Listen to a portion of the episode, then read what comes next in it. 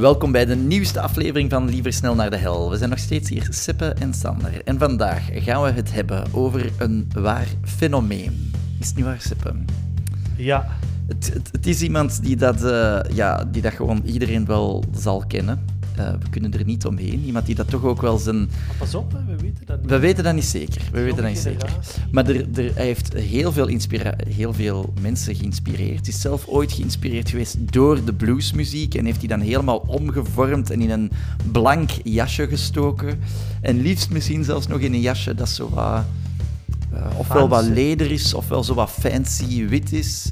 Eh, met er dan een dikke vetkuif op en de nodige sexy moves. We hebben het natuurlijk over The King of Rock and Roll.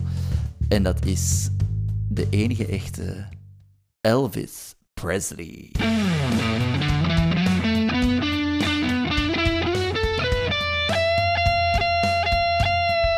Liever snel naar de hel met Seppe en Sander. Elvis Presley. Seppe, waar begint het verhaal van Elvis Presley? Nee, wacht. We hebben eigenlijk eerst... eh, Ja, ja, we moeten eerst iets we moeten zeggen. eerst iets Ja, ja. zeggen tegen Sander onze luisteraars. veel te enthousiast. Hè? Sorry, ja. Ja, eh, slecht nieuws allemaal. Ehm, het is niet goed, hè, Sander? Nee, we hebben eigenlijk... We gaan, we gaan eh, kort en direct zijn. We gaan vanaf nu helaas geen muziek meer spelen tijdens onze podcast zelf. Maar we gaan heel leuk refereren naar onze afspeellijst. Of Ja. van Spotify, waar je wel alle nummers kan luisteren van de artiesten die we bespreken. Ehm, We hebben telefoon gehad van Keith Richards. En Keith heeft gezegd, eh, jongens, oké, je gebruikt daar eh, letterlijke seconden van onze liedjes.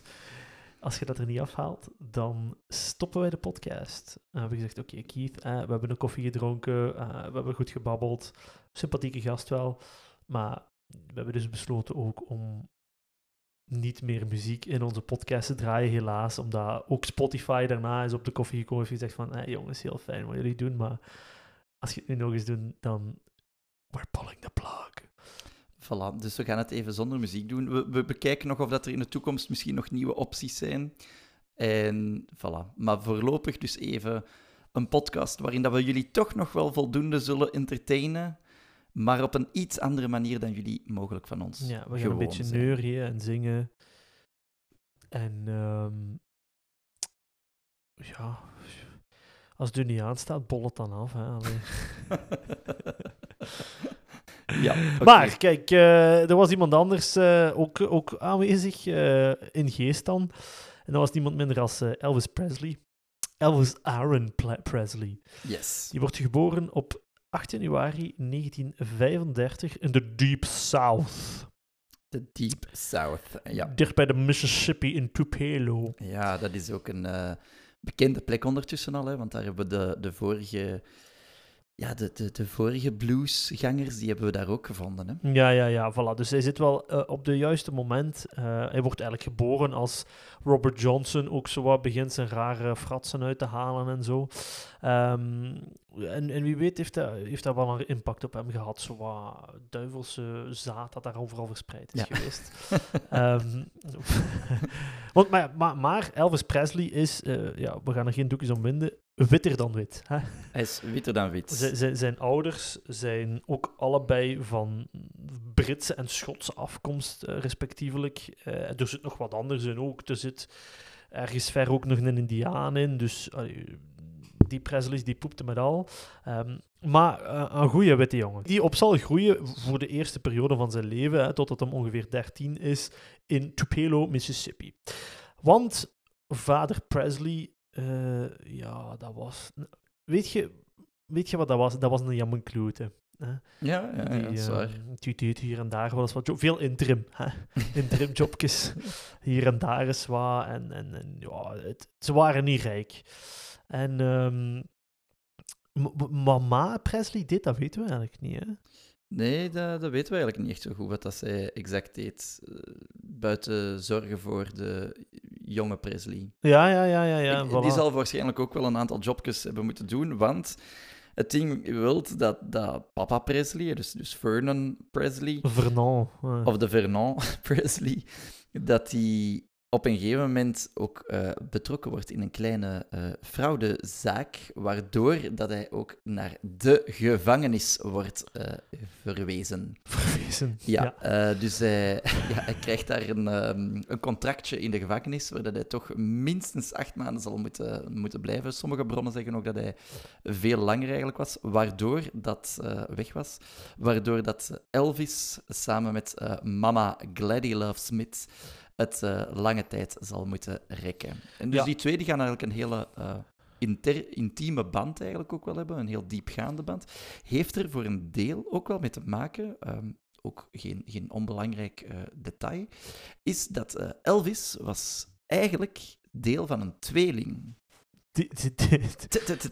Deel van een tweeling, maar hij was wel een volledige mens. Ja, hij, dus- was, hij was een volledige... Het is niet zoals bij Joey Ramone. Nee, voilà. Dat, dat het was geen parasitaire tweeling. Um... Het, hij was eigenlijk deel van een tweeling, maar dus zijn, zijn, zijn broertje Jesse is, is uh, bij de geboorte of, of, voor de geboorte al uh, gestorven.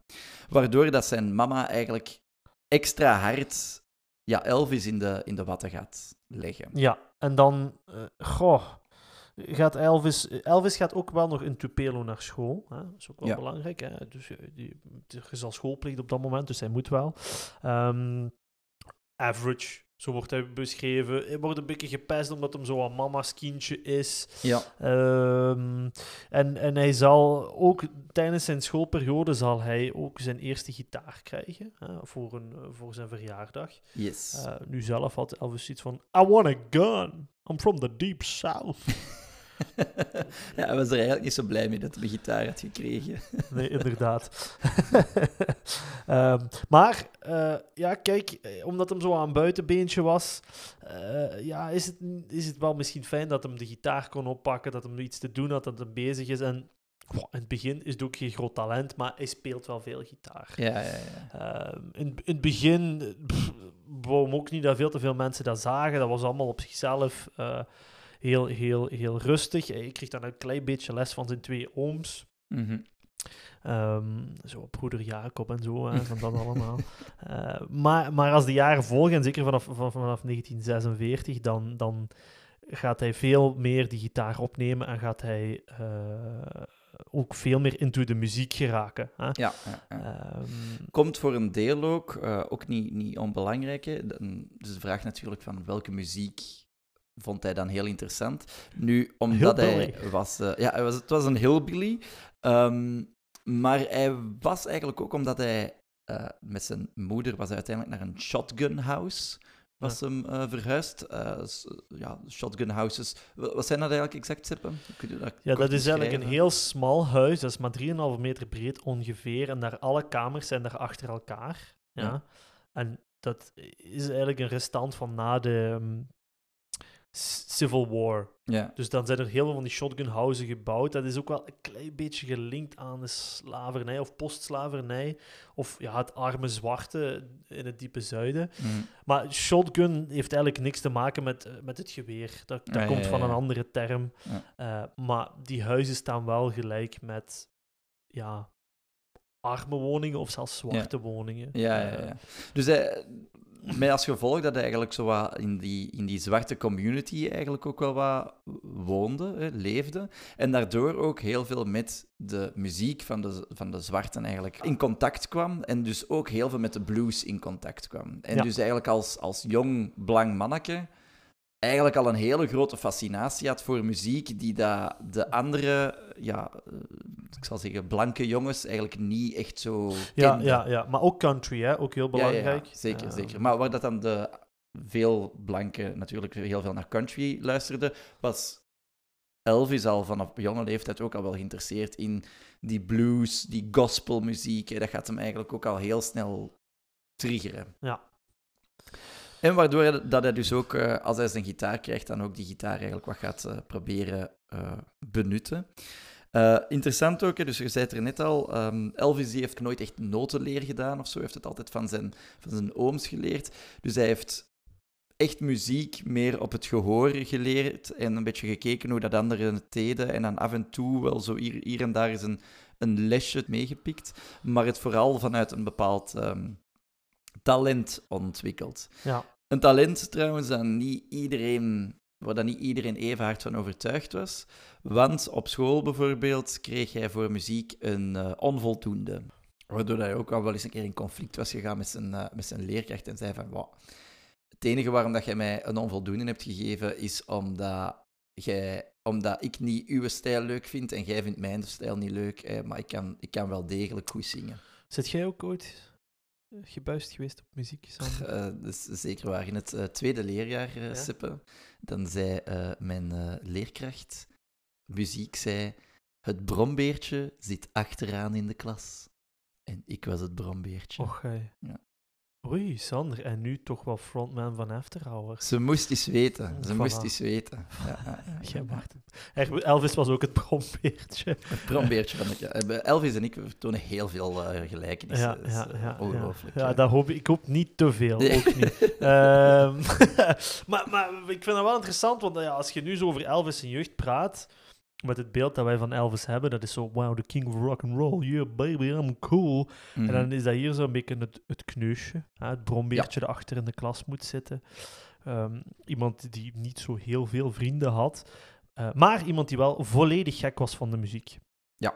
En dat gaat er ook voor zorgen dat hij de kans krijgt om op eh, de Mississippi Slim Show te komen op de Yes. Tupelo Radio Station. Yes. Waar dat toch wel zeker eh 2,5 mensen naar luisterden. Eh, ehm, dus eh, twee klasmaten van hem, dus ja, die heten ook Slim. Ehm, dat zijn de gebroers Slim dan eigenlijk, hè? De gebroer Slim, inderdaad. Ja, En hij leert de broer van zijn grote idool Mississippi Slim kennen. ja oké. Zo is het. En dan, ja, weet je, ze zeggen, oké, Elvis, weet je wat, eh, we, we gaan, we geven nu een micro, eh, we gaan nu on-air laten performen. Dat gaat goed zijn. Ja, puntje bij paaltje komt, Elvis moet daar beginnen te zingen, de, de, het licht gaat aan, Elvis moet beginnen te springen en ik krijg toch wel geen stage fright, plankenkoorts. De poepers. De poepers. Ja, ja, dus dat niet meer, dat kan niet, dat- gaat niet. Dus ja, hoppakee. Dan zeggen ze de slimste, allee, kom aan Kunt dat. Tweede keer lukt het wel, hè. heel goed. Eh, het is gelukt, maar dat is niet, toch niet de, de lancering van zijn carrière geweest daar. Hè? Nee, nee, nee, nee. Maar wel een eerste keer dat hij wel zo wat in, in contact komt, kunnen we zeggen, eh, met die, dat ietsje meer in de muziek. Ja, daarvoor het enige wat hij had gedaan was wel een aantal. eh, hij had wel een aantal keer met zo'n zo'n talentenshow ook wel meegedaan. Ook Voilà, als je niet op lager school. kunt vallen, is het alleen maar naar boven vanaf daar. voilà. Maar Dus ja, hij- zullen- en, en daar stopt eigenlijk ook wel het leven in, eh, in, bij, in Mississippi. Ja, Want- dat klopt. Hij gaat daarna naar Memphis. Yes. En dat gaat waarschijnlijk gewoon om economische redenen zijn geweest dat ze naar- moeten verhuizen naar Memphis, omdat ze... dichter bij de stad. Voilà, het is dat. Ehm, ze zitten daar eigenlijk ook in een rooming house. Dat is zoiets, ja, dat is een huurhuis wat dat zo wat gegeven wordt. Maar eh, ze krijgen dan eigenlijk ook public housing. Dus ze gaan, ze gaan een huisje daar mogen blijven, maar ze zitten dan daar ook weer in een voornamelijk zwarte buurt. Wat eigenlijk gewoon betekent dat je fucking arm bent. Hè? Ja. Ehm, daar komt het op neer. Maar eh, hij verliest door die verhuis zeker niet zijn liefde voor muziek. Nee.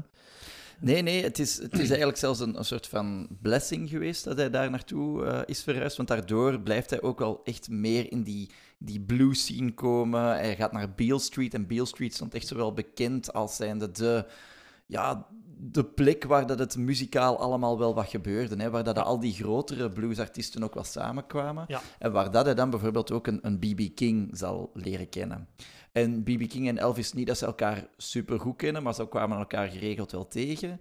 En daardoor ja, werd hij ook echt wel geïnspireerd en aangetrokken door ja, wat dat, die muziek, waar dat stilletjes aan eigenlijk wel zo die, die rock and roll in zat. Zonder dat dat op dat moment al rock and roll werd. Ja, en, en, en je gaat ook zien dat hoe ouder Elvis wordt ehm, tijdens zijn schoolcarrière, hoe meer muziek ook iets cools gaat worden. Ja, ja. En hij gaat zijn persona ook serieus wel omvormen tot de cool kid. Yes. De, de jongen met de gitaar, hè, playing Wonderwall. Eh, maar dan zonder dat Wonderwall al was. Dus, dus mensen beginnen, zijn klasgenoten eigenlijk, of zijn schoolgenoten, beginnen meer en meer ook te zien van, oké, die Elvis, ja, die kan toch wel zingen en wat gitaar spelen. Dat is eigenlijk wel cool. Hij begint dan in, in, in zijn junior year um, bakkenbaarden te groeien. Ja, daarna gaat hij zo van die coole hemden kopen. Hij gaat veel wax in zijn haar doen. En dan begint hij ook nog te zingen. Dus hij, gaat, hij wordt eigenlijk qua school, schoolreputatie gaat eigenlijk van zero naar hero. Hè. Ja. Ehm, Eh, ja, en vooral doordat hem dan ook weer meedoet aan zo'n talentenshow, waardoor dat Ja. opeens iedereen ziet van, wow, die heeft het wel. Hij zegt daar zelf ook altijd over, en eh, ik zal hem even citeren. Citeren eens een Ehm, keer, ja. Uh, I wasn't popular at school. I failed music, the only thing I ever failed.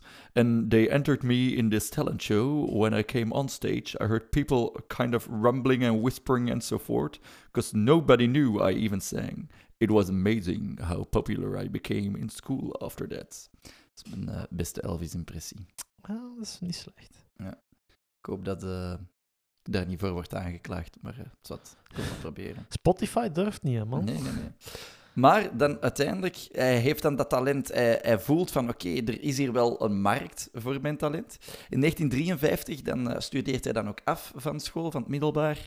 Eh, zal trouwens de eerste zijn van de Presley-familie die dat een, een diploma heeft. eh. Nee. Eh, want eh, mama en papa die, eh, eh, hadden het puur op, eh, ja, vanuit hun arbeidskrachten eh, verder geschopt.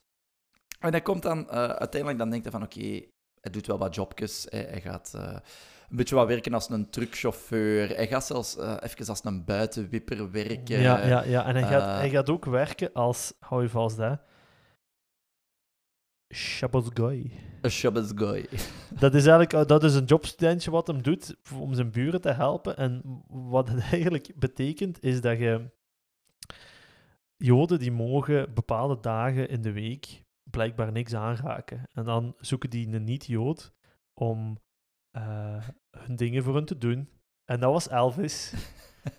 Tof eigenlijk, hè? Allee. Ja, ja, inderdaad. Ja, ja. Dus ehm, Elvis werkt voor, eh, voor zijn Joodse buren. Eigenlijk, daar komt het wel op neer. Ehm, maar natuurlijk, die, die interesse in de muziek die is niet, eh, die, die blijft niet weg. En op een gegeven moment dan denkt hij van, "Hm, ik wil eigenlijk toch iets opnemen. Maar Elvis is eigenlijk ook wel een klein beetje verlegen. Elvis heeft ook zoiets van... eh, hij weet ook niet zeker of dat echt goed gaat zijn, maar op een gegeven moment dan gaat hij naar de Memphis Recording Service. Dus dat is een, eh, ja, dat is een soort van opname eh, Ja, studiootje. En hij zegt daarvan, ja, goh, ik zou graag een, een nummertje opnemen, ehm, want eh, mijn mama is binnenkort jarig en ik wil graag een verja verjaardagscadeautje aan haar geven. En ik wil dus een, een nummertje eigenlijk aan haar geven. En die mannen die zeggen, ja, ja, dat is goed, maar die denken ook wel van, goh, waarom, waarom, komt jij dat hier doen? hier doen? Want er zijn veel goedkopere plaatsen. Waarom doe jij dat hier? Voilà, voilà. Want die Memphis Recording Ser- Service, hij had dat natuurlijk wel goed gezien. Hij wist heel goed dat daar een Sam Phillips zat. En een Sam Phillips die daar grote ambities had. eh, met ja, muziek, die dat eigenlijk echt ook wel wat op zoek was naar mensen om ja, een nieuw label te gaan lanceren. En hij Ja. zal dat dan ook doen, want hij gaat dan het label Sun Records zal daaruit eh uit Ja. voortvloeien. Maar dus die eerste opname in de Memphis Recording Studio, die is al goed, hè? Want ze- vragen dan aan van, ah ja, wat, wat zingt jij? En hij zegt, I don't sound like nobody. Ja. Ehm, en hij zal dan een opname opnemen en dan zal de, de, na de recording, zal die recording ook doorgegeven worden aan Sam Phillips. En toen zag Sam Phillips al het licht. Die dacht, wat ik eigenlijk wil doen, is die zwarte muziek aan het witte publiek verkopen. Ja, ja, ja, ja. En de enigste manier op dat moment in de Verenigde Staten om dat te doen, is een blanke muzikant hebben. En Elvis was ja, de, eigenlijk de omgekeerde brug. hè. We hebben het al heel vaak Mhm. gehad dat zwarte artiesten de brug willen maken naar ook het bredere, populaire blanke publiek. ja. En hier is het eigenlijk een, een blanke die de zwarte publiek... eh, die, de, die de zwarte muziek wel ook terug naar de blanke gaat brengen. ja, ja, ja. Ehm, dus dat werd heel duidelijk gezien. En dat heeft ook wel te maken met het feit dat Elvis heel veel zwarte, ook gospel-invloeden heeft van voilà. de plaats waar dat hij van opvloedt. Want hij, hij, ehm, hij houdt wel van ballads. Hè. Dat is iets wat we nog niet hebben gezegd.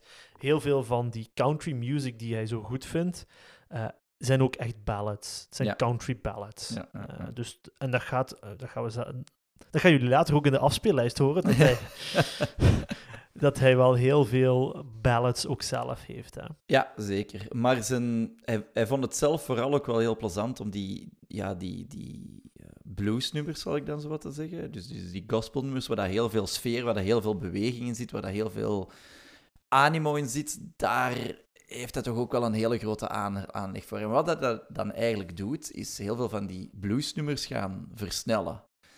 Waardoor dat je een veel sneller ritme krijgt. En dat is dan uiteindelijk wat dat ze dan rock and roll gaan beginnen noemen. Mhm. Nu, eh, Elvis is niet per se de uitvinder van, eh, van de rock and roll. Hij wordt, wordt later wordt hij wel de king van de rock and roll genoemd, maar hij is wel één, iemand, laten we zeggen, een van de grondleggers van wat daar rock and roll eigenlijk wel wordt. Dat is, een, heel dat is een hele moeilijke natuurlijk, ook Ja. omdat we mogen ook niet onderschatten hoeveel covers dat die man heeft gemaakt. Voilà, ah, wel. Eh, en dat zijn heel vaak covers van zwarte artiesten die, waarvan Voilà. het nummer dan misschien minder bekend is als het nummer van Elvis zelf. Ja, ja, ja, ja. Ehm, Ja, en dus eh, een van die nummers, bijvoorbeeld die dat hij speelt, en die dan een eerste, zullen we een hit, kunnen we het nog niet echt noemen, hit, maar het is een, toch waar dat hij de aandacht mee trekt, dat is eh, That's Alright. En dat is eigenlijk een, een nummer dat hij ehm, voor het eerst eigenlijk samen eh, wat uitprobeert met eigenlijk eh, een gitarist en met een bassist, waarmee dat hij al een aantal opnames aan het, ja, aan het uitproberen was. En eigenlijk, ze zijn al, zitten al heel lang in de studio samen met Sam Phillips. Sam Phillips zegt van, oké, probeer het nog eens een keer iets nieuws, probeer dat eens een keer, probeer dat eens een keer. En niks is echt supergoed. Totdat die drie een beetje wat zitten te jammen in, in die studio. En dat Elvis dan That's Alright begint te zingen. En daar zo wat op een grappige, ludieke manier dat te doet. En daar zo wat van die zotte danspasjes eigenlijk wat bij doet. En opeens Sam Phillips heeft van, ja, dit is het. Dit is het. Dus wat grappig is, want ja, was eigenlijk voor Elvis was dat puur een beetje wat, wat spelen. En ja, dat komt dan opeens naar buiten. Dus Elvis gaat dan zijn eerste performance doen. Dat doet hij niet alleen natuurlijk. Eh, Elvis gaat eerst naar buiten komen als een, als een trio. Hè. Dus ze gaan eigenlijk... eh, Elvis is eigenlijk eerst een soort van bandje, samen Ja. met dus die, die Winfield Scott en met... eh, of Winfield Scotty Moore en met Bill Beck. En ja, daar, hij gaat dan zo wat die, die, die een eerste optreden doen. 17 juli in, oh, wat is het, 1954 zal het geweest zijn. Hij gaat daar staan, eerst en vooral. Hij gaat daar staan met, zijn, met, zijn, met de gitaar die hij nog als kindje had gekregen. Dus met eigenlijk een beetje een te kleine gitaar. Maar die gitaar, die, dat zorgt er ook wel voor dat hij heel veel bewegingsruimte heeft. Ja, en vooral inderdaad. heel veel die moves kan maken.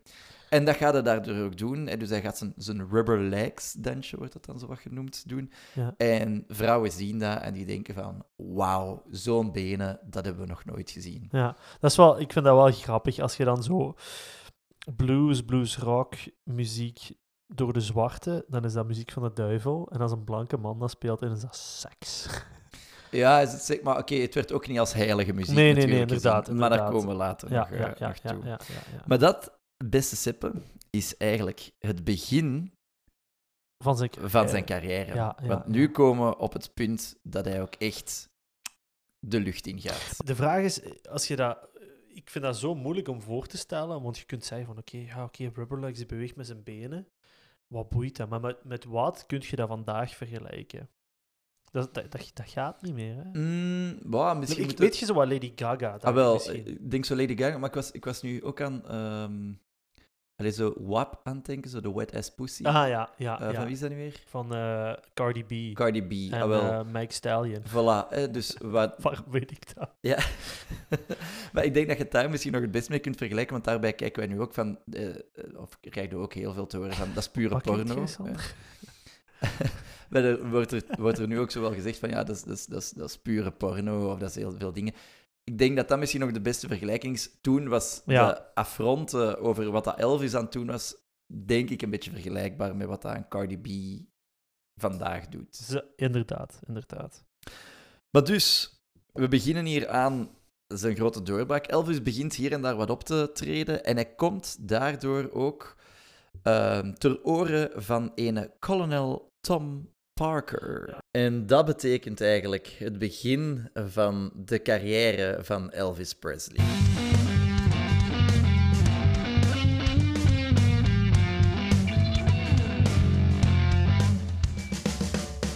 Even belangrijk, vraagje voor de luisteraars. Kolonel Tom Parker. Ja. We gaan later zien dat hij heel fel uit was op geld. Ja. Ehm, Oké, als we daar als we daar nadenken, we weten dat hij heel graag van kaas houdt. Hè? is een gierige. Wat denkt je dat zijn originele nationaliteit was? Krijgt eh, drie seconden om na te denken. Ja, Eén, twee, drie. Ja, het was een Hollander. Het was een Nederlander, een uiteraard. Hollander, ja. uiteraard. Zijn eigenlijke naam was eh, Andreas Cornelius van Kuik. Ja, Ehm, hoe Hollands kunt je gaan? ja. Eh, komt eigenlijk uit eh, Breda. Allee, ja, heeft zowat in Rotterdam en Breda allebei eigenlijk zo wat gezeten. Ehm, maar hij was gevlucht uit Nederland omdat hij hoopte in de VS eigenlijk een beter leven te vinden. Waarom was hij gevlucht? Er zijn heel veel verschillende verhalen dat daar zo wat rondgaan. Er is zelfs een verhaal dat beweert dat hij iemand vermoord zou hebben. Maar ehm ander verhaal is eigenlijk vooral dat hij, dat hij het nieuw geluk eigenlijk zoals zocht eh, in, eh, in de Verenigde Staten. En eh, Tom hij, hij leert daar dan eigenlijk iemand kennen, waardoor dat hij, of hij neemt een andere naam aan, eh, om niet te Hollands te klinken. Dus hij noemt zichzelf dan Tom Parker. En later wordt dat Colonel Tom Parker, eigenlijk omdat hij een goede relatie had met een of andere, ja, een of andere hoge Piet, die dat, eh, ja, die dat uiteindelijk hem voor de grap kolonel heeft genoemd, of de eretitel kolonel eigenlijk wat gaf, omdat hij een grote dienst aan hem had bewezen. En hij is die kolonelstitel dan eigenlijk altijd gaan eh, uitspelen. Maar eh, kolonel Tom Parker heeft eigenlijk nooit echt in het leger gezeten. Hij heeft kort even legerdienst gedaan, maar eh, moest er, werd er eigenlijk wat uit geweerd omdat hij eh, een psychopathisch kantje zou hebben gehad. Dus Tom Parker die gaat vooral eh, eigenlijk qua op voren rondhangen. Hij gaat eigenlijk wat mensen... hij gaat wat circussen promoten. Het is een marktkramer, Ja, het is een marktkramer, het is een circuspromotor. En hij gaat daardoor ook wel steeds met artiesten in contact komen. In eerste instantie zal dat een Hank Snow zijn. Hank Snow was eigenlijk op dat moment ook echt een, een heel beloftevolle country acteur, eh, sorry, country zanger, waar dat Elvis zelf ook wel wat fan van was. En op een gegeven moment dan hoort Tom Parker de muziek van Elvis en denkt hij, die moet ik hebben. Dat is hem. Dat is hem, dat is hem, dat is hem. Hij gaat dan... Nou, die moet ik hebben. Ja, nou, nou, die Elvis, die moet ik hebben. Ja, so- sorry voor onze Hollandse luisteraars. Ja, sorry. Eh, eh, Hebben, hebben. we, we hebben er 25% toch wel zeker. Oei, sorry. Ja, ja. Allee, bij deze... eh, Als je me nou... Is je me nou. Maar dus Tom Parker die hoort Elvis, die zegt dan van, "Hmm, die moet ik hebben. En hij gaat uiteindelijk, dus de ouders van Elvis, die dat Elvis op dat moment eigenlijk een beetje aan het managen zijn, kunnen overtuigen van, kijk, ik uw zoon eigenlijk niet wat managen? En hij doet dat eerst, probeert hem Elvis een klein beetje als voorprogramma te gebruiken van Hank Snow, die dat hij op dat moment ook nog altijd onder zijn hoede heeft. Maar Elvis wordt al heel snel de hoofdact. Yes. En Tom Parker denkt van... Elvis is te groot voor het eh, kleine Sun Records. Ik ga die naar RCA brengen, of RCA, wat een veel groter label is. En zo lanceert hij eigenlijk de carrière van Elvis Presley. Nu, aan zich, op begin, Elvis is niet heel gemakkelijk om op de radio te krijgen. Waarom? Omdat hij is een beetje een, een, verza- een allegaartje van verschillende soorten muziek. Ja. Ja, voor de meer country radio, die vinden hem te bluesy. De blues radio vindt hem te country. Dus ja, het begin is dat zo'n klein beetje wat zoeken van, ja, wat, wat, wat is hij eigenlijk? Hè? Eh, hij wordt soms be- bekeken als de king of western bop, eh, de hillbilly cat, de Memphis is zo Flash. een John Denver probleem eigenlijk. Ja, hij heeft een beetje een John Denver-probleem. Maar dan uiteindelijk in 1956 dan heeft hij, brengt hij daar een nummer naar buiten. En dat is ja, de eh, nagel op de kop. Het is Heartbreak Ja. Hotel. We gaan daar niet naar luisteren. Nee. Eh, maar ja, dat is inderdaad... Want eh, ja, Heartbreak Hotel, dat is ook... Eigenlijk is dat ook wat dansmuziek, hè. Dat, dat, gaat, dat gaat muziek zijn die ook wel in de... eh, in de, in, de, in de dansruimtes wordt gedraaid. Hè? Dus Yes. hij gaat zo ook heel snel populair worden, want kort daarna gaat je ook nog Blue Suede Shoes krijgen. Yes. hè. Dat is ook weer zo'n dansnummer van hier tot Super Tokio. dansend. ja. En er gaat ook een eerste echt volledig eh, album komen. Hè? Ja. En dat album heet gewoon Elvis. Elvis Presley. Yes. Ja. Elvis Presley.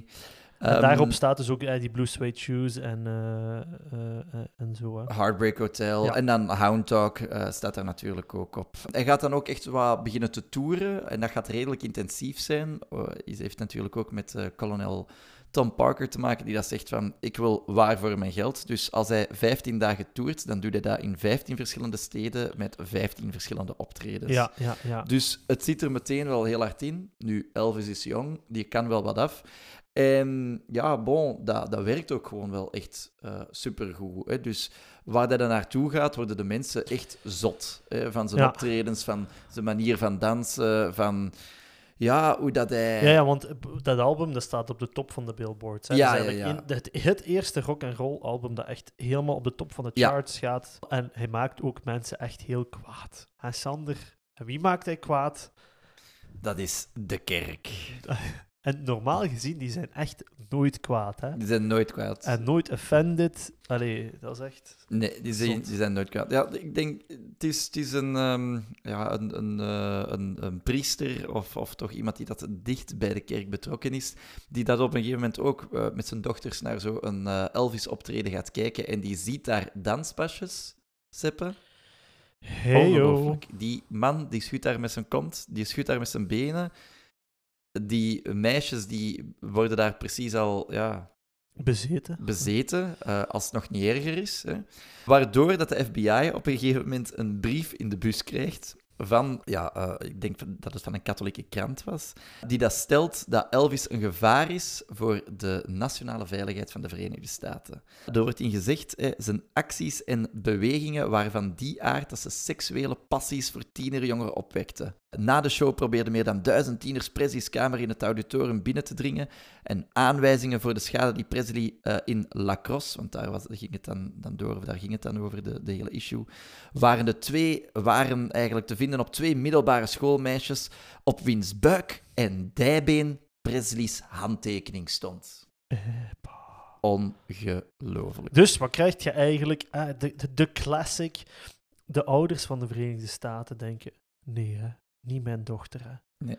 Nee. Dus wat krijg je? Elvis, zijn muziek gaat ineens afgebroken worden. Yes. Ah, die wil alleen maar vieze dingen doen, bla bla bla bla bla bla, maar eigenlijk kan hem niet zingen, na na ni, na na na. Dus hij krijgt eigenlijk een soort van underdog karakter. Nu, Yes. Waar houden tieners van? Dat is een goede underdog, hè. Dus dat gaat hem eigenlijk alleen nog maar verder en verder into fame eh, ja, duwen. Wat heel, heel grappig is, is dat ze proberen tijdens sommige optredens Elvis zijn eh, op tv dan eigenlijk enkel zijn bovenkant te laten zien, zodat Ja. je niet zijn onderkant ziet. Eh, maar dan begint hem zo wat sensueel met zijn handen te zwaaien en dan moeten ze dat Ja. ook weer eh, zo wat half stopzetten. Dus Het is zelfs op een gegeven moment dat de FBI had tijdens een optreden gezegd van en waag het niet om nog maar een vinger uit te steken en zo een, een se- sensueel dansje te doen, waardoor dat hij zijn pink eigenlijk tijdens dat optreden eigenlijk omhoog houdt.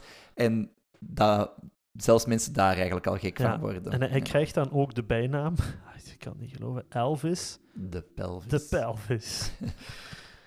en dat is van volwassen mensen. Ja. Ja, hij vindt dat zelf ook wel heel belachelijk eigenlijk allemaal. Eh, Tom Parker gaat dan ook wel een aantal initiatieven nemen om hem terug wat family-friendly te maken, maar daar moet Elvis eigenlijk zelf ook niet eh, al te veel van weten. Elvis, ja, je haalt het dan eigenlijk aan. Hij wordt steeds populairder, populairder, populairder. Hij gaat dan ook eh, een, een zot huis kunnen kopen, eh, Graceland. Ja, een Ehm, Graceland, dat is misschien nog wel interessant, heeft niks te maken met Paul Simon of zo. Nee. Eh, Graceland, dat was eigenlijk een oude ja, estate, een oud landhuis van Mr. Moore. Ja. Die hadden een dochter, eh, de familie Moore, die hadden een dochter, die heette Grace, en dat is daarna vernoemd. En toen Elvis dat heeft gekocht, dacht hij, weet je, ik ga dat gewoon houden. Hè? En Graceland staat nu ook wel zo bekend als zo het huis van Elvis Presley. Ja. Ehm, want, wat ook wel belangrijk is, op dat moment begint er ook wel, raar maar waar, wat geld voor Elvis binnen te komen. Mhm. En Elvis zal ook al bekend staan om zijn toch wat extravagante levensstijl. Ja, ja, ik kan het net zeggen. Want Graceland was niet zomaar Nee, een villa, hè. dat was een pokkendure villa. Ja. Om u even een voorbeeld te geven van eh, Elvis zijn riant uitgavenbedrag of rare dingen. Hij heeft dus de presidentiële jacht van Franklin D. Roosevelt gekocht. Ehm, waar dat hem eigenlijk amper iets mee heeft gedaan. Dus, Yes. eh, Hij, hij, hij had ook in Graceland had hij ook een, een jungle room staan, inclusief waterval. Ehm, hij had ook een, een racquetbal eh, ruimte, dus een soort van squashruimte, maar dan voor racquetbal.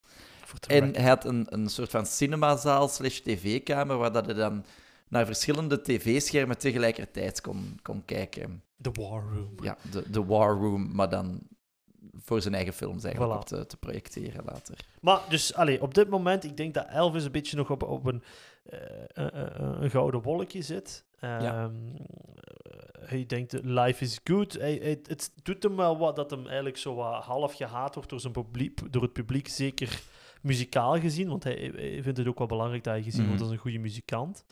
Eh, maar al in al, midden jaren 50, ehm, of naar eind jaren 50, gaat het vrij goed met onze Elvis. Totdat Totdat... het leger opeens komt aankloppen. Zegt Elvis, manneke, jij gaat naar het leger moeten. Ja, militaire dienst. Hij gaat ja, eerst training eigenlijk hebben in, in Texas. Ja, wat kunnen we daarover zeggen? Eh, het wordt ook niet echt tegengehouden, want ze zeggen ook van, ja, goh, ehm, moet Elvis dat eigenlijk wel doen? Maar Tom Parker denkt ook wel van, mm, laat Ja. hem dat inderdaad maar doen. Ehm, meer zelfs, eh, er wordt op het begin gezegd van, mm, kan hij geen special forces zijn, zodat hij gewoon in de US kan blijven en dat hij eigenlijk zijn carrière als muzikant verder kan uitbouwen. Maar Tom Parker zegt ook van, nee, nee, laat hem maar zo een GI gewoon zijn. Dus dat is zo'n government-issued of een gewone soldaat. Ja. Achterliggend idee, eh, enerzijds zeggen ze van, ja, Tom Parker geloofde er niet meer echt helemaal in, of begon ze wat wrok te krijgen bij Elvis. Anderzijds zeggen ze van, dat Tom Parker zei van, "Hm, we willen niet dat eh, Elvis een voorkeursbehandeling eigenlijk krijgt. Ja. Dus zou hij ook gewoon naar het leger moeten gaan. En gaat hij voor de eerste en waarschijnlijk een van de enige keren in zijn leven ook echt buiten de Verenigde Staten gaan? Of buiten het Noord-Amerikaanse continent gaan? Eh, want hij gaat in Europa, in Duitsland, worden geplaatst om zijn eh, legerdienst te voltrekken. En dat is niet zonder resultaat, hè, Sander? Dat is niet zonder resultaat. Want wie ontmoet hij daar? Dat is Priscilla. Yes, Priscilla. Eh, nu, dit wordt een beetje een rare kant van het verhaal, al meteen. Hè? Op Ja. het moment dat Elvis gedraft wordt, is hij 18. Ja? ja. Hij gaat naar Duitsland. Oké, en dan ontmoet er Priscilla. Priscilla is op dat moment 14. Eh, ja, en hij, hij is geïntrigeerd door haar, dat moeten we zeggen. Mhm. En hij, hij wil zo wat contact met haar houden. Ehm, en het is, ja, ik, ik weet niet hoe ik het moet beschrijven, maar eigenlijk is het een hele rare relatie. Het is zo'n soort van obsessie, Ja, maar op een niet-seksuele manier. Ehm, totdat ze dan blijkbaar trouwen.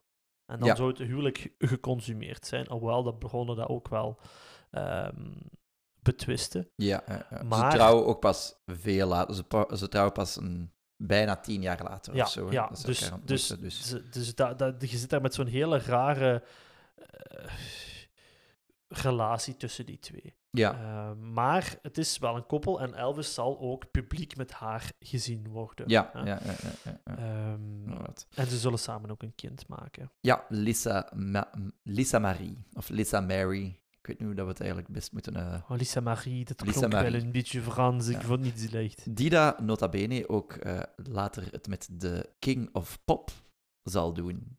Ja. Michael Jackson. En Nicolas Cage. Eh, ja, maar... Ja, dus... Ja. Ja. Is dat ook een king? Ja, King of Movie. Ja, voilà, inderdaad. Voilà.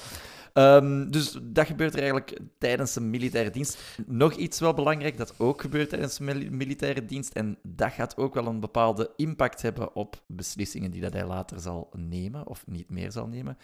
Zijn moeder sterft. Ja. Eh, eigenlijk al op het begin van eh, dat hij in het leger gaat. De moeder wordt ziek, hepatitis, gaat eigenlijk heel snel achteruit en eh, die sterft. En ja, zijn moeder was eigenlijk echt zijn alles. We zeiden het al, Elvis en zijn moeder, dat waren twee handen op één buik. Wordt soms ook wel gezegd dat dat een klein beetje soms awkward was, hoe intiem dat die twee ook op latere leeftijd nog met elkaar uh, opgingen. Uh, spraken blijkbaar in een, in een babytaaltje af en toe nog zo wat met elkaar. Oh my god, nee. Ja, dat was een klein beetje wat rare dingen. Maar um, zijn mama was eigenlijk ook was zijn, zijn manager, een beetje was zijn, zijn, zijn kompas, kunnen we ook wel zeggen. Ja. Ja, dat kompas dat valt weg. En ja, de enige die dat er dan eigenlijk, eigenlijk overziet is zijn papa, waar dat hem eigenlijk niet veel aan heeft. En Tom Parker. En Tom Parker zal op dat moment gewoon het hele management van Elvis overnemen. Ja, en eigenlijk, wat hij zich ervoor nog liet leiden door de beslissingen van zijn moeder, laat hij zich nu volledig over aan, uh, aan Tom Parker. Ja. Maar Elvis komt op een andere manier ook helemaal terug vrij. Want ja. dus in het midden van het jaar 1960 wordt hij ontslagen uit het leger en mensen wachten echt zijn terugkeer op dat is ook goed voorbereid. Ze weten, oké, Elvis is back, people are waiting for him. En hij gaat ook wel echt wel weer van die bekende platen die we nog, nu nog altijd kennen droppen. Zoals bijvoorbeeld Are You Lonesome Tonight? Ja. Is wel echt een hele bekende. Uh, dat is ook echt zo een ballade van hier tot in Tokyo. Zo Are You Lonesome Tonight? Ja, ja, ja. Um, dat gaat misschien ook een klein beetje wat de jaren 60 periode van, van Elvis kenmerken, ja, zo die, die ballades eigenlijk wat meer. Dat heeft voor een groot deel eigenlijk ook te maken, omdat Elvis geen buiten op begin, hij gaat er zoals een, een comeback eigenlijk een beetje wat doen, of, of zijn ja, Elvis is back tour doen uh, met een paar nieuwe nummers. Maar daarna gaat hij vooral in de televisieindustrie duiken. Inderdaad, ja. Dat was juist voordat hij met leger ging, had hij wel al een debuut. Ja, was um, zo'n eerste probeerseltje zo ja, keer, ja, ja met, de, met de film Love Me Tender. Yes, yes, yes, yes, yes, yes. Maar dan gaat hem daar echt full op gaan. Um, dat is uiteraard ook uh, Tom Parker, die dat eigenlijk zegt van... Kom Elvis, we gaan uh, wat meer eigenlijk in die, in die muziek, in die, in die filmindustrie gaan. En we gaan... Goh, veel, uh, al die muziekoptredens, dat geeft niet meer genoeg geld. We gaan gewoon goede muziekfilms eigenlijk zo aan maken, waardoor dat we altijd een soundtrack er ook wel aan kunnen, uh, kunnen hangen, waardoor dat we, hupla, u gewoon op beeld kunnen brengen. Die beeld, dat, dat beeld of die film die wordt eigenlijk verspreid en we hebben gegarantie voldoende inkomsten. Voilà, en je verdient ook nog eens geld met die soundtrack. Voilà, en je wilt ook nog eens een keer dingen met die soundtrack. Ja, maar, dat, is, dat is zo raar eigenlijk. Ja. Hè? Want dus die, je moet denken, dat is acht jaar in Elvis zijn carrière, dat hij amper gaat optreden, yes. maar gewoon te zien gaat zijn in films. Ja. Um, en als je zijn legerdienst er dan eigenlijk bij telt, gaat dat tien jaar lang zijn ja, want echt niet pure, optreedt. Echt puur, puur, puur als ja, performer is het eigenlijk niet zo heel lang, hè? Nee, als nee, bekende nee. optredens. Hij Nee, nee, nee. Hij wordt op een gegeven moment, ja, in de jaren 60 gaat hij vooral bekend zijn als zo, ja, ja, een, Marlon Brando, allee, zo wat een, een, een filmacteur, maar dan wel van de B-films ook allemaal. Want ja, het mocht ook niet te veel geld kosten, dus hij gaat in 27 films uh, spelen, waarvan dat de meeste een verschrikkelijk saaie soundtrack hebben. Uh, en dat hem ook echt niet zo veel populairder maakt. Hij wordt echt een beetje wel weggezet als zo, ja, een, ja, een slechte acteur eigenlijk. Ja, ja, ja, Ehm, inderdaad, inderdaad. Totdat Tom Parker op het idee komt in 1968 van... Goh, zullen we eens een keer een Christmas special doen op Ja. tv? Nu belangrijk in de tussentijd, hij gaat hem ook nog trouwen met zijn vrouw. Ja, ja, ja, ja, Eh, hadden we al een beetje En, en, en, Ja. en, en wat misschien ook wel belangrijk is, Elvis zelf had het ook wel echt gehaald met die kutfilms. Hè. Ja, ja, ja. ja, ja, ja, ja. Voilà. En dan komen we in 1968 en dan zegt Tom Parker van... We gaan een Christmas special doen.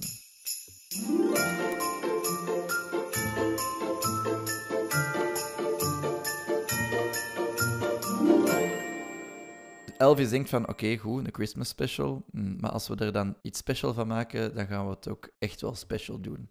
Want Elvis ziet dat niet als een Christmas special, Elvis ziet dat als een comeback special. Ja.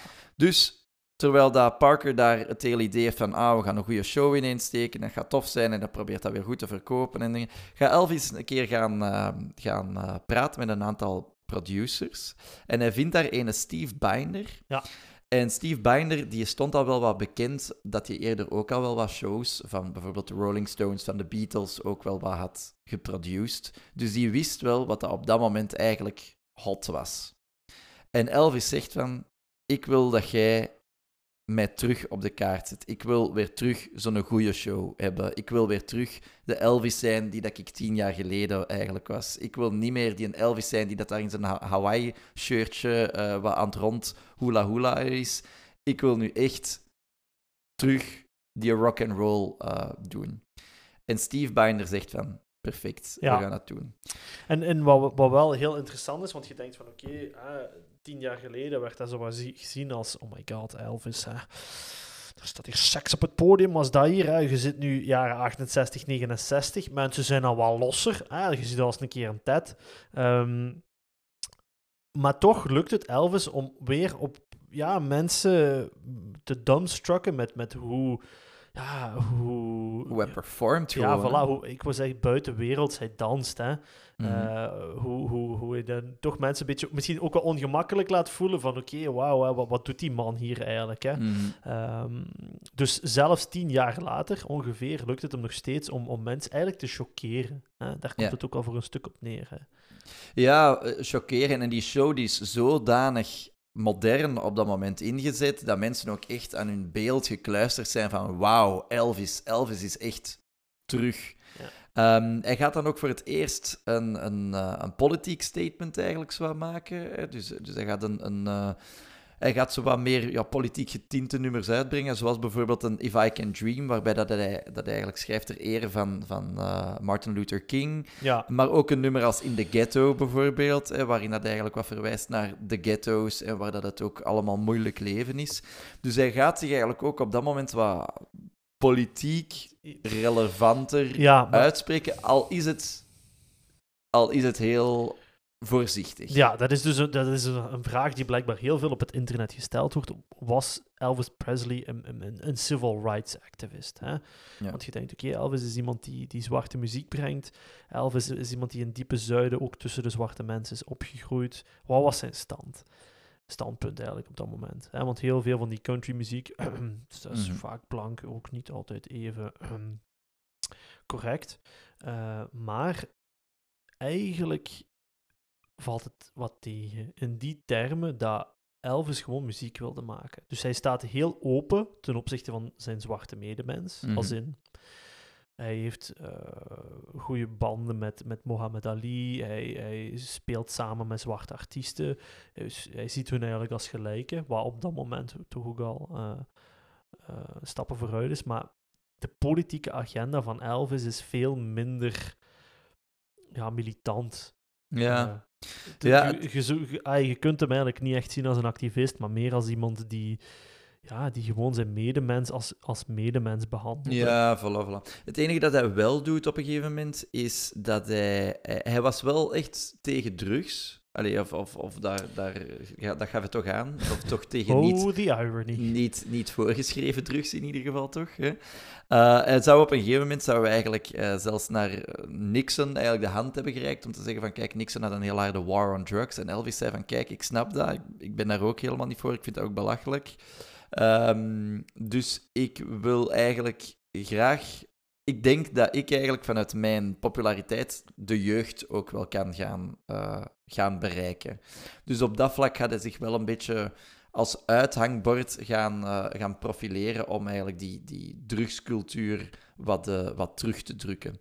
Maar dat is effectief het enige, misschien ja, politiek gelinkte, waar dat hij zich wat over, over uitspreekt. En het blijft inderdaad heel, heel, heel voorzichtig. Ja. Nu, Elvis is terug. Elvis is terug relevant. En dus Tom Parker, die ziet ook, die denkt van oké, goed, we gaan hier weer terug shows en shows en shows doen en we gaan het weer terug um, helemaal op de kaart zetten. En op een gegeven moment dan komt hij daarin, um, hij zoekt eigenlijk naar opportuniteiten. Waar kunnen we Elvis op een goede manier neerzetten en op een steady manier neerzetten, zodat we zekerheid van inkomsten hebben. En er is een nieuw hotel in Las Vegas, de International Hotel. En die hebben eigenlijk ja, die hebben PR nodig om op de kaart uh, gezet te worden. Ja. Waardoor dat, uh, dat Parker zegt van oké, goed, weet je wat? Ik zorg ervoor dat een volledig jaar, of, of de eerste vier weken of zo van dat dat hotel open gaat, dat um, Elvis eigenlijk alle dagen hier zo wat komt, uh, komt spelen. Of bijna alle dagen hier komt, komt spelen. En dat is iets dat enorm goed werkt. Dus hij gaat, Elvis gaat de International Hotel openen. Dat, eh, ze trekken daar me- meteen... Ja, journalisten worden eigenlijk ingevlogen van over het hele land om Elvis daar aan het werk te zien. Dat zou ook zijn eerste grote optreden eigenlijk terug zijn. Ehm, er worden ja, heel veel mensen van de muziekindustrie die komen daar eigenlijk naar. Eh, heel, ja, iedereen zit daar eigenlijk. En Elvis die geeft daar een performance waarvan dat iedereen ook echt zegt van... Wauw. Ja, en hij, hij zal daar ook Can't Help Falling in Love spelen als afsluitnummer, wat zo Ja. wat zijn iconische Elvis-nummer gaat worden. Hè? Ja. Ehm, blijkbaar, eh, maar ik, ik ken hem zelf niet, Fats Domino zou daar ook hebben gezeten. En als mensen zeggen van kijk, hè, ehm, how does it feel to be the king of rock and roll, dan wijst Elvis naar Fats Domino en zegt hij that's the real king of rock and roll. Yes. ja, Ehm, ja, ja. Dus die want- hebben ook wel een hele goede band met elkaar. hè. ja het, is, het is eigenlijk rond die periode dat hij ook echt de king, als de king wordt Ja. geprofileerd eigenlijk. Hè. Ik vind dat zo raar dat je als artiest zo op één venue blijft. En zo, dat, dat, dat klinkt zo wat minder kwalitatief. Ja, ja, ja. Ja, Dat- zo. het, is ook, het is ook super. Hè. Het doet een beetje denken aan Britney Spears. Ja. we blijven plakken in Las Vegas.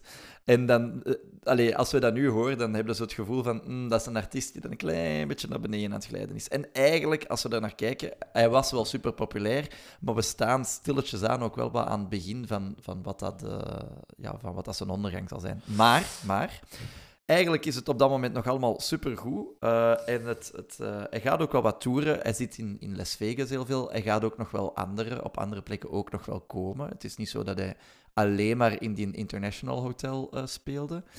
En op een gegeven moment dan ehm, stelt hij van, ja, ik wil, ik wil eigenlijk naar het buitenland gaan. Ja, er wordt ook aan hem voorgelegd, zeggen van, ja, je zou echt stadia kunnen volbrengen.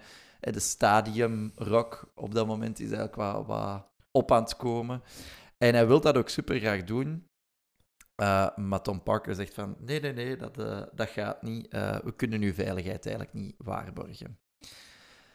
Er was al wel eens een keer een issue geweest rond de veiligheid, dus oké, dat was ergens een valabel argument. Maar dan zeiden ze van, ja, nee, we kunnen de kosten eigenlijk niet doen. Dus Tom Parker heeft eigenlijk constant wel excuses om Elvis niet naar het buitenland te laten gaan. En op een moment denkt Elvis van, weet je wat, fuck it. Ik ga dat, ik ga dat wel doen. En op het moment dat Elvis dat ook effectief wil doen, gaat Tom Parker zijn ultieme kaart eigenlijk trekken en zegt hij van, oké, als je dat wilt doen, goed, maar dan ben ik uw manager niet meer. En dan mocht jij aan mij al uw onkosten gaan... eh eh, allee, en die dan, had dan, al zijn ticketjes dan, bijgehouden. dan ga ik aan u al mijn onkosten gaan betalen, in, eh, gaan vragen. Dus ja, waardoor dat Elvis ook niet al anders kan. En daardoor zal het ook zijn dat Elvis nooit buiten Noordelijk Amerika heeft gespeeld. Hij heeft ook wel drie shows of zo in Canada gespeeld. Maar hij gaat nooit buiten, of amper buiten de Verenigde Staten eigenlijk zijn, zijn geweest. Buiten één keer in die zin dat hij, zal er niet fysiek zijn, maar Tom Parker die snapt wel waar dat het, eh, ja, het, eh, de interesse, de buitenlandse interesse van Elvis zit.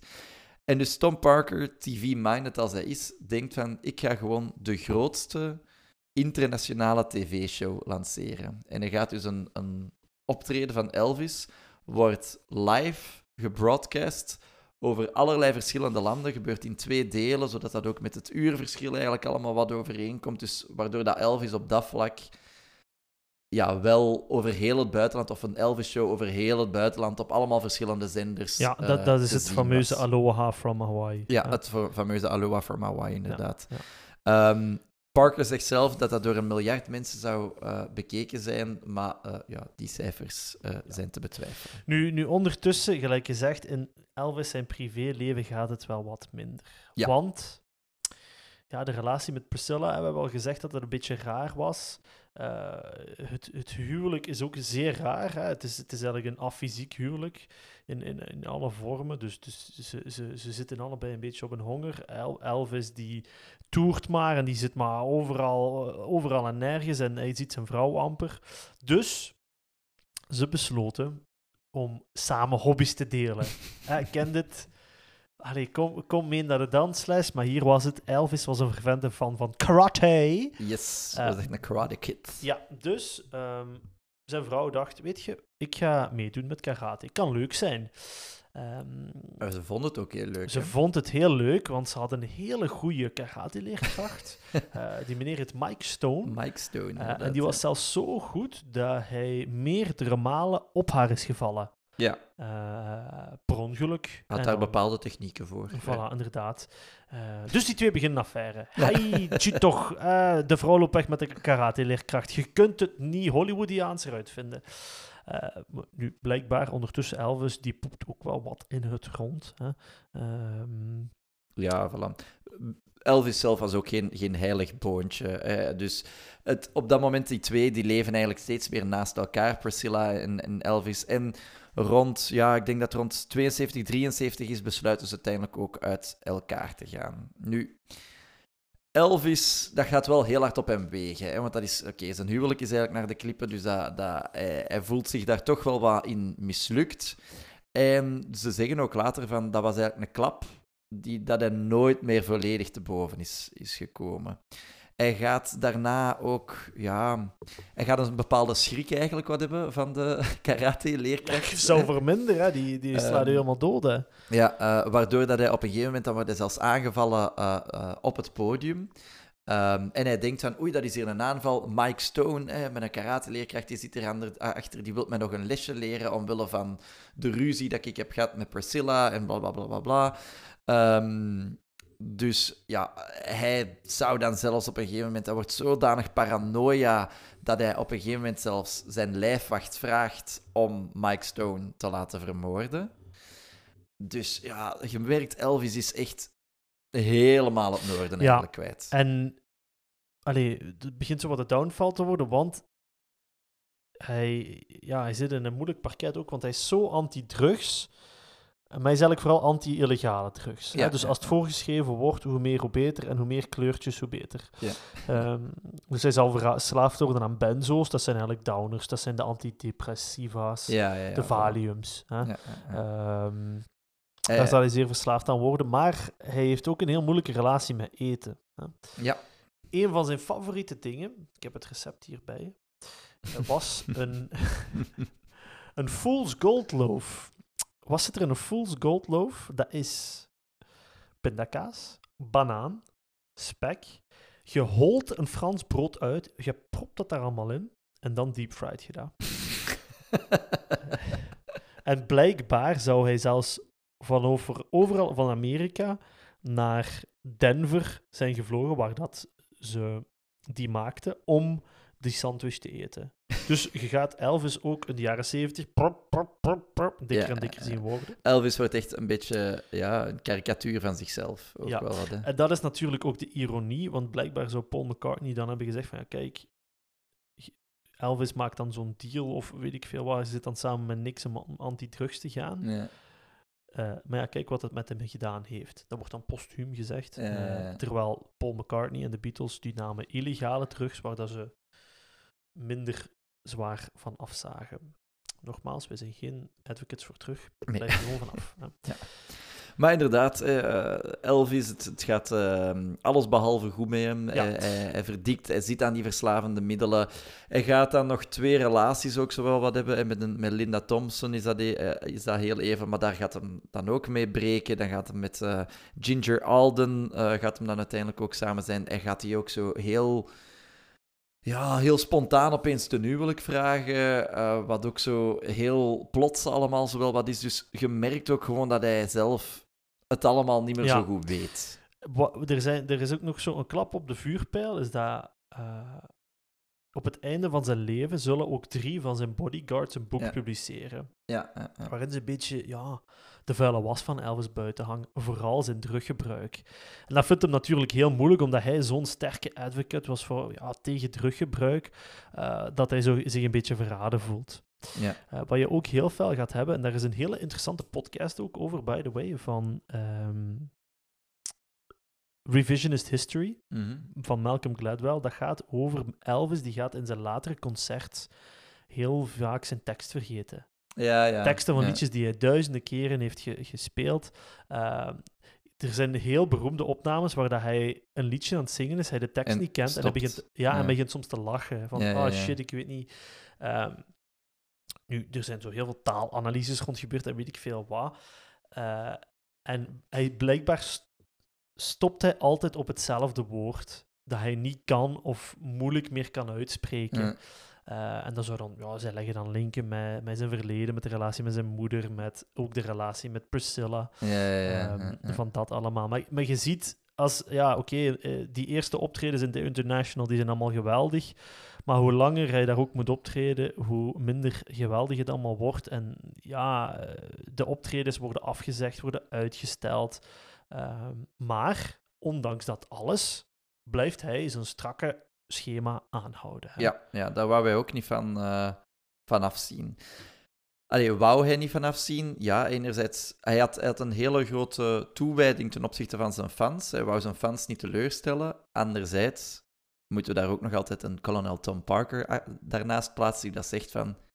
En jij gaat optreden. Ja, En jij zorgt ervoor dat de cashflow hier binnenkomt. Maar ja, dat gaat dan toch ook wel zijn, zijn tol eisen. Ehm, zeker op het einde, je zegt het al, van, hij gaat heel versuft zijn na optredens. Eh, heel wat vrienden zeggen van, neemt pauze, ja. doe het even rustiger aan. Hij zegt van, nee, ik wil blijven gaan, blijven gaan, blijven gaan. En op 16 augustus 1977, dan gaat eh, Ginger Alden, die eh wil uh, s morgens een badje pakken. En die gaat eh, in Graceland, hè, dus in de, de Graceland Mansion, gaat hij naar een van de vele badkamers dat daar eh, zullen zijn.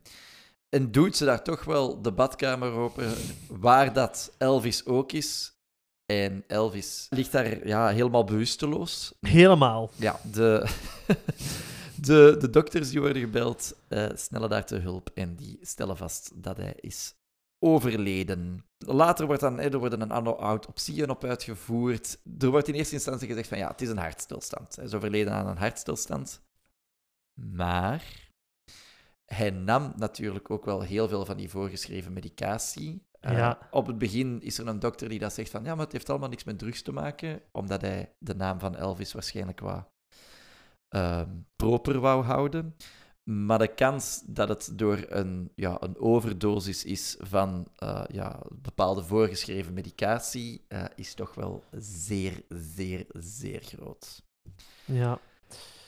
Voilà. Ja, het is, het is hij- die man is ook weer afgeleefd geweest, hè. Is zeker afgeleefd geweest. ja. Ehm, dat, is, dat is een icoon, dat is een product geworden. Hè? Mm, Zeker mm. door die Colonel Parker. Ehm, het is, wat ik heel moeilijk vind te zien bij Elvis, dat je zo ziet van, ja, maar wat wil hij nu? Ja, ik denk, als je kijkt naar zijn hele leven, hij is op het begin is zijn moeder degene die dat eigenlijk voor hem de keuzes maakt. En hij is het gewoon, hij is het vooral gewoon om te volgen. En hij voelt zich ook heel gemakkelijk in die situatie om te, om te volgen. En ja, je hebt dan zijn, zijn moeder. En meteen daarna neemt eigenlijk Tom Parker het eigenlijk over. Hè? Dus ja. Ja, hij heeft nooit voor zichzelf moeten kiezen. hij heeft nooit voor zichzelf moeten kiezen, inderdaad ook. En hij vertrouwde, en dat- eh, misschien is dat een soort van naïviteit, misschien is dat ook een soort van angst om zelf keuzes te maken. Hè? Maar ja, eh, hij vertrouwde ook ehm, gewoon heel hard de mensen die dat, die dat hem manageden uiteindelijk. Hè? Ja, Want zelf eh, wordt heel vaak ook verwezen, hè, want Colonel Tom Parker wordt heel vaak als de grote slechterik beschouwd. the bad guy. De bad guy, dat is misschien ook soms iets te gemakkelijk gezegd. Want ook, ja, Tom Parker was een, een businessman en Elvis zelf was doorheen zijn hele loopbaan was hem ook echt wel tevreden van wat Parker voor hem deed. En was hij heel blij dat Parker zoveel dingen regelde en dat hij zich met al die business dingen bezig hield, zodat hij, zodat Elvis zelf daar niks van, van moest weten en ja, dat, dat hij dat allemaal kon overlaten. Dus dat staat er natuurlijk ook wel, eh, wel tegenover. Ja, en, en, en dat, is, dat is misschien nog wel zoiets eh eh, interessant, vind ik ook. Elvis Presley, dat is een, een personage. Hè? Ja, je, kunt, ja, ja. je kunt je daar als verkleden. Ja, ja, ja, voilà. En, en, en ja, wat, wat we bij vorige artiesten wel veel zagen, was dat je ook nog heel fel een, een, een persoon had en een artiest. En hier lijkt dat precies of die heel fel samengeblend zijn. Maar voor, voor mensen die zoiets hebben van, kijk, ik wil echt een keer dieper gaan into Elvis, kan ik, kunnen we zeker ook eh, Revisionist History van Malcolm Gladwell aanraden. Een van de Mhm. afleveringen gaat over Elvis en ook over, oké, wie was die man? Maar dan eigenlijk meer in zijn ja, meer zielige Psyche, situaties. Ja. ja, ja. Eh, ik denk niet dat Malcolm Gladwell hetzelfde voor ons gaat doen, Sander. Dus Ja. Eh, Dus dat knippen we eruit. ja, fuck hem. Nee, ja, eh, ik denk de, de legacy die Elvis heeft nagelaten is, is duidelijk heel groot. Hij heeft heel veel mensen beïnvloed. Hij heeft, hij heeft, eh, hij heeft de rock and roll echt wel heel hard gecommercialiseerd. Led Zeppelin. Hij heeft, ehm, ja, voilà, maar alle grote artiesten verwijzen wel naar, naar ja, Elvis. voilà. Eh, en ja, John Lennon, eh, hebben we ook al wel gezegd dat hij een grote Elvis-fan was.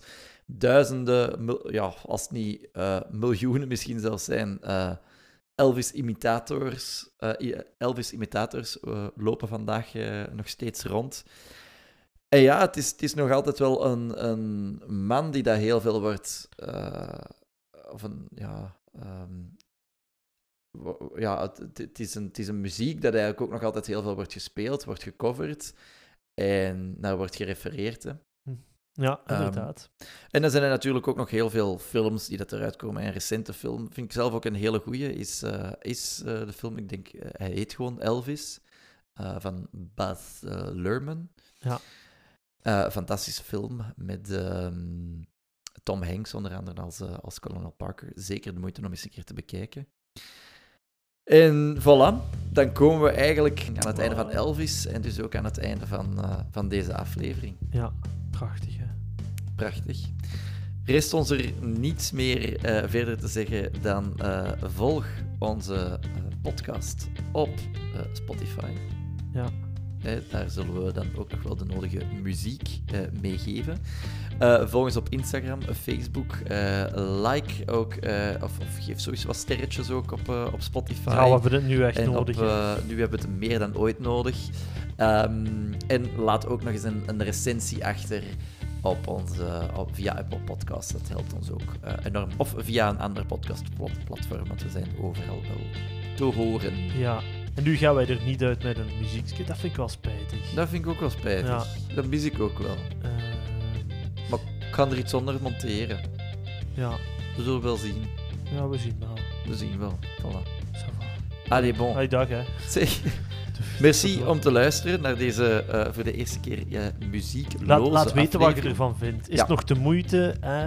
Zijn er nog content? Uh, zijn er niet meer content? Laat het ons dan ook weten. Hè? Voilà. En dan horen we jullie graag de volgende, volgende keer. keer. Doei. Yo.